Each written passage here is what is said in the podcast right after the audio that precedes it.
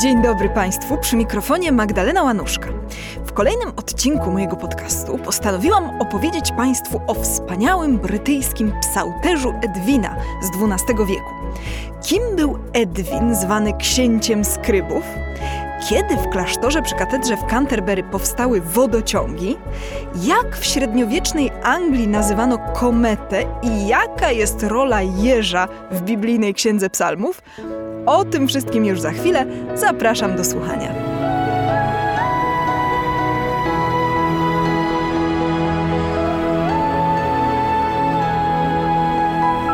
Podcast powszechny. Weź, słuchaj. Jako, że mamy nowy rok i nie tak dawno było święto Trzech Króli, pomyślałam sobie, że dzisiaj opowiem Państwu o jakimś średniowiecznym dziele sztuki, które zawiera przedstawienie komety. No bo gwiazda betlejemska i te sprawy. Najsłynniejszym chyba byłaby tkanina z Baje, ale ponieważ chcę mówić o sztuce powszechnie nieznanej, to zdecydowałam się na inny zabytek, a mianowicie na niezwykły rękopis zwany psałterzem Edwina. Jest on przechowywany w Trinity College Library w Cambridge, a powstał w trzeciej ćwierci XII wieku w skryptorium przy katedrze i klasztorze benedyktyńskim w Canterbury. Nie chodzi tutaj o opactwo świętego Augustyna w Canterbury, z tego zresztą zostały same ruiny, tylko o klasztor, który powstał przy katedrze w X wieku. Sam klasztor oczywiście też już nie istnieje, ponieważ został zamknięty w XVI wieku w ramach reformacyjnej kasaty klasztorów w Anglii. Ów wspaniały psałterz z tego opactwa ma 281 kart o rozmiarach 45,5 na 32,5 cm. Jest bardzo bogato dekorowany. Zawiera 166 rysunków kolorowanych, a jeszcze były cztery osobne karty z cyklami narracyjnymi z Ewangelii, ale te są dzisiaj w osobnych kolekcjach. W tym psałterzu są naprawdę ciekawe ilustracje, a wśród nich jest także zupełnie wyjątkowy plan przedstawiający wodociągi założenia klasztornego przy katedrze. Tak jest, proszę Państwa. Mamy piękny XII-wieczny plan z wodociągami. On zajmuje dwie sąsiadujące karty, a wiemy, że te wodociągi w Canterbury powstały po 1153 roku. Jednocześnie w naszym rękopisie są namalowane zabudowania według stanu sprzed Wielkiego Pożaru z 1174 roku. Więc stąd wiemy, że ten rękopis należy datować na okres między tymi latami po 1153 a przed 1174. Właściwie nawet powstał ciut wcześniej, zapewne przed 1170 rokiem, kiedy to miało miejsce niezwykle ważne wydarzenie, a mianowicie zabójstwo arcybiskupa Canterbury Tomasza Becketa, który popadł w konflikt z królem i został zamordowany przy ołtarzu. W zasadzie natychmiast został otoczony czcią jako męczennik. Jego oficjalna kanonizacja nastąpiła już trzy lata później. Jak każdy niemal psałterz, i ten zaczyna się od kalendarza liturgicznego. Gdyby powstał po 1170 roku, na pewno pod datą śmierci Tomasza Becketa byłaby jakaś wzmianka. A ponieważ wzmianki nie ma, to znaczy, że księga jest wcześniejsza. Jeśli chodzi o wspomnianą na początku kometę, to znajduje się ona na dolnym marginesie karty dziesiątej. Teraz oczywiście reprodukcję tego fragmentu możecie Państwo zobaczyć na stronie mojego podcastu. Jest to gwiazda z czterema falującymi warkoczami, opisana jako kometa, którą po angielsku zwie się długowłosą gwiazdą. Badacze generalnie zakładali, że to kometa Haleja, która wcześniej została ukazana na tkaninie z Baje w XI wieku. Tutaj pasowałoby to do ukazania się tej komety w roku 1145. Ale z drugiej strony zauważa się, że w rocznikach katedry w Canterbury nie ma wzmianki o komecie z 1145. Jest natomiast inna z 14 maja 1147 roku. I to prawdopodobnie ona znalazła się w naszym rękopisie, no ale to już nie jest kometa Haleja. A dlaczego ów psałterz zwiemy psałterzem Edwina? Otóż dlatego, że zawiera on zupełnie unikatowy portret albo autoportret skryby, czyli przepisującego księgi. E, swoją drogą to jest akurat znana miniatura, tylko mało kto kojarzy, z czego ona pochodzi. Jest to całostronicowe przedstawienie zakonnika, skryby przy pracy. W prawej dłoni trzyma on piórko, którym pisze, a w lewej nożyk, który był używany do podtrzymywania pergaminu, do ostrzenia piórka albo do wyskrobywania błędów. Dookoła postaci jest ramka z inskrypcją łacińską, która podaje słowa skryby. Ja jestem pierwszym, princeps, co można przetłumaczyć też jako księciem wśród skrybów. I moja chwała i sława nie umrą. Głoś moja litero, kim mogę być. I na to odpowiada litera. Sławą swoją twoje pismo ogłasza cię, Edwinie, którego reprezentuje namalowana postać, żywym na wieki, którego geniusz ukazuje piękno tej księgi. Przyjmij, o Boże, księgę i jej darczyńcę. No właśnie dlatego ów mnich Edwin jest nazywany czasem księciem wśród skrybów. Ale problem polega na tym, że nie jesteśmy w stanie namierzyć tego Edwina w połowie XII wieku w Canterbury. Żaden z przeorów nie miał tak na imię. W czasie, kiedy zapewne powstał ten rękopis, przeorem był niejaki Wybert w latach od 1153 do 1167. Przed nim był Walter, a po nim był Odo. Oczywiście Edwin mógł być po prostu jednym z zakonników, niezanotowanym w innych źródłach. Co prawda jest też hipoteza, że może to być odniesienie do słynnego skryby z Canterbury, Edwiga, który żył ponad 100 lat wcześniej. Nad tym naszym rękopisem pracowało zresztą przynajmniej dziesięciu skrybów i co najmniej sześciu malarzy, chociaż nie wiadomo, czy części rysunków nie robili skrybowie. Tym niemniej ponad 90% dekoracji jest ocenianych jako dzieło jednej ręki, zwanej głównym iluminatorem. To mógł być właśnie nasz Edwin. Portret Edwina, księcia skrybów, jest teraz do obejrzenia na stronie tygodnikpowszechny.pl ukośnik podcast. Sztuka powszechnie nieznana. Opowiada Magdalena Łanuszka. Jeśli chodzi o dekoracje, psałterz Edwina jest kopią słynnego psałterza utrechckiego, który powstał w pierwszej połowie IX wieku w kręgu skryptorium w Reims i jest jednym z najwspanialszych arcydzieł miniatorstwa karolińskiego. No, psałterz to oczywiście biblijna księga psalmów. Psałterz utrechcki jest wyjątkowy, ponieważ każdy psalm został w nim zilustrowany osobnym, szkicowym rysunkiem wykonanym piórkiem. Forma tych ilustracji jest no niemalże nowoczesna. W dodatku te obrazki są niesłychanie kreatywne, ponieważ w dosłowny sposób ukazują poetyckie metafory pojawiające się w treści psalmów. Czyli przykładowo, werset Słowa pańskie to słowa szczere, wypróbowane srebro bez domieszki ziemi, siedmiokroć czyszczone, z psalmu 12, został zilustrowany przedstawieniem kowali kujących srebro. Zwrot występni krążą dokoła ukazano jako grupę ludzi kręcących się przy wielkim kole. A jak mamy z głębokości wołam do ciebie panie, no to na rysunku facet siedzi w dołku. Wybrane reprodukcje z psałterza utrechckiego już teraz oczywiście są na stronie mojego podcastu. Psałterz utrechcki swoją nazwę zawdzięcza temu, że od XVIII wieku jest przechowywany na Uniwersytecie w Utrechcie.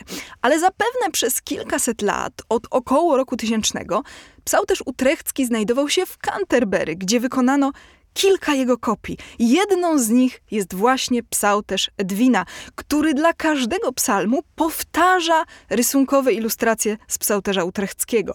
Kompozycje są te same, ale forma nieco bardziej romańska, no i obrazki w psałterzu Edwina są kolorowe, a w psałterzu utrechckim nie są.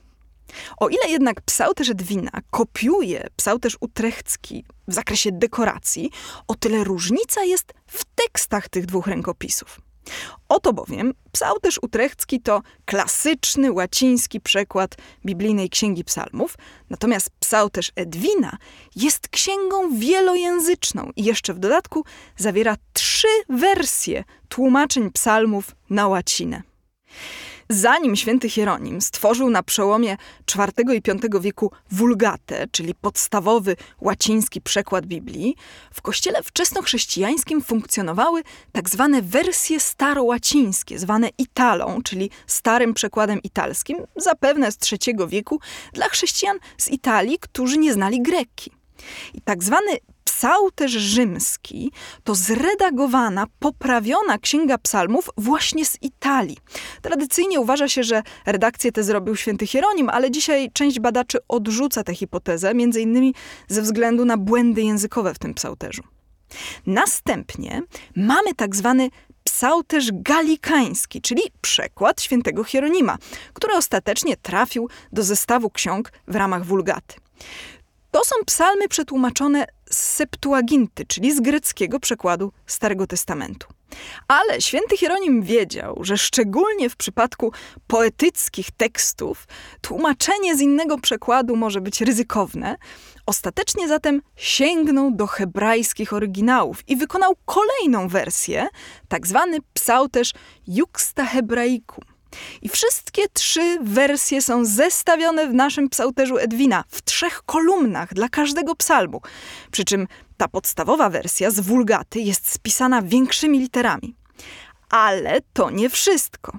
Oto bowiem te właśnie wersje opatrzono glosami, czyli komentarzami, takimi przypisami, częściowo w formie notatek na marginesach, a częściowo między wierszami. Tak często robiono w średniowiecznych księgach. My do dzisiaj stosujemy określenie, że coś zostało dopowiedziane między wierszami. To się nazywa glossy interlinearne. I mamy takowe również w tych pozostałych dwóch kolumnach, czyli w psałterzu rzymskim i Juxta Hebraicum, ale tam są to odpowiednio przekłady psalmów na język staroangielski, czyli anglosaski, oraz anglonormański. Ten ostatni był wersją starofrancuskiego. Ja wiem, że to brzmi strasznie skomplikowanie, ale podsumowując, każdy psalm w psałterzu Edwina jest zestawiony w trzech różnych wersjach łacińskich, rzymskim, galikańskim i juxtahebrejkum, w przekładzie anglosaskim i w przekładzie anglonormańskim. Wielojęzyczne psałterze były popularne w średniowieczu i są niezwykle cennymi zabytkami, szczególnie do badania rozwoju średniowiecznych europejskich języków narodowych. U nas takim zabytkiem jest no, znacznie późniejszy, bo pochodzący z końca XIV wieku, psałterz floriański. Tam oprócz wersji łacińskiej każdy psalm spisano po niemiecku oraz po staropolsku. Myślę, że o psałterzu floriańskim może kiedyś zrobię osobny podcast. Na koniec nie odmówię sobie opowiedzenia Państwu o pewnym bardzo ciekawym szczególe, który ma dosyć duże znaczenie w dyskusji na temat oryginalności dekoracji psałterza utrechckiego, czyli tego, który był wzorem dla psałterza Edwina. Bo chodzi o pytanie, czy te niezwykłe, szkicowe i swobodne ilustracje zostały wymyślone przez jakiegoś karolińskiego artystę z Reims, czy jednak psałterz utrechcki miał jakiś własny wzorzec, zapewne antyczny, który do dziś nie przetrwał. Za tą ostatnią hipotezą przemawia drobny szczegół w ilustracji do Psalmu 104. Otóż w Biblii kilkakrotnie pojawia się słowo szafan, również w tym właśnie psalmie. To jest nazwa zwierzątka, po polsku to się nazywa góralek skalny.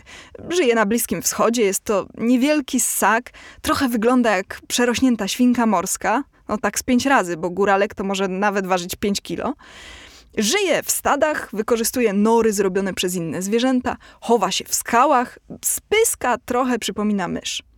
No i teraz nasz psalm mówi, że góralki chronią się w skałach. To jest psalm pochwalny, który mówi o tym, że całe stworzenie wielbi Boga. Problem polega na tym, że góralek to zwierzę właściwie nieznane w Europie. Nawet Biblia Tysiąclecia przekłada ten wers jako wysokie góry dla kozic, a skały są kryjówką dla borsuków. Natomiast kluczowe dla nas jest to, jak ów szafan został przetłumaczony w Septuagincie, czyli w wersji greckiej, która była punktem wyjścia dla świętego Hieronima. Otóż pojawiło się tam bardzo enigmatyczne słowo hierogrillus. Dokładnie to oznacza chrząkającą świnkę. Można to ewentualnie przetłumaczyć jako wieprzoświnkę, czy też świnko-prosiaczka. To jest po prostu zestawienie dwóch wyrazów o podobnym znaczeniu. W niektórych greckich rękopisach przetłumaczono to jako zająca, ale z kolei stary przekład italski z greckiego hierogrylusa zrobił jeża. I co ciekawe, w XIII wieku pojawiły się inne interpretacje. Bartłomiej Anglik, encyklopedysta i profesor paryskiego uniwersytetu, twierdził, że to jeżozwierz. A oprócz tego w ówczesnych tekstach francuskich i angielskich pojawiła się hipoteza, że chodzi o wiewiórkę. Święty Hieronim, ponieważ był w Palestynie, wiedział, co to za zwierzę. Zanotował, że zwierzątko po hebrajsku zwane szafan jest rozmiarów jeża, a podobne jest do myszy i do niedźwiedzia jednocześnie.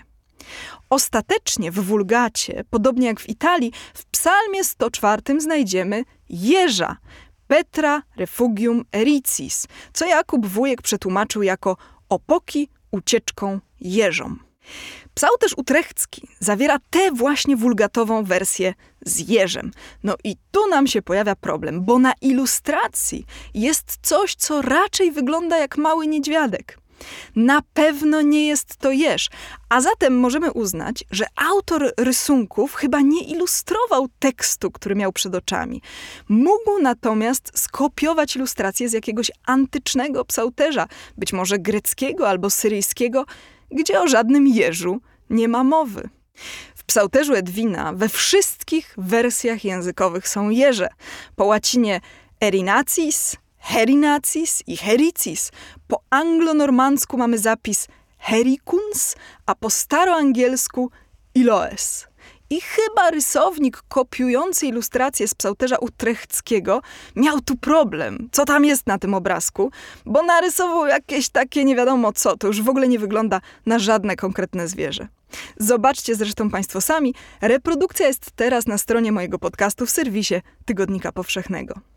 A poza tym oczywiście oba te rękopisy, i psałterz utrechcki, i psałterz Edwina, są w całości zdigitalizowane w serwisach bibliotek, które je przechowują i można je oglądać karta po karcie w bardzo dobrej rozdzielczości. Jak widzicie Państwo, historyk sztuki badający rękopis musi zwracać uwagę nie tylko na artystyczne kwestie, ale także powinien zgłębiać meandry lingwistyczne oraz okazjonalnie zapoznawać się nawet z zoologią. Jest to niewątpliwie niesamowita przygoda, a ja bardzo Państwu dziękuję, że wysłuchujecie tych moich dziwnych opowieści. Zapraszam także na mój blog posztukiwania.pl i do usłyszenia w kolejnym podcaście powszechnym w połowie następnego miesiąca. Życzę Państwu rzecz jasna szczęśliwego nowego roku. Pozdrawiam serdecznie, Magdalena Łanuszka. Jeśli słuchają nas Państwo w Spotify albo w Apple Podcasts, zasubskrybujcie nasz kanał. Jesteśmy też w Google Podcasts i w aplikacji Lekton oraz na www.tygodnikpowszechny.pl/podcast.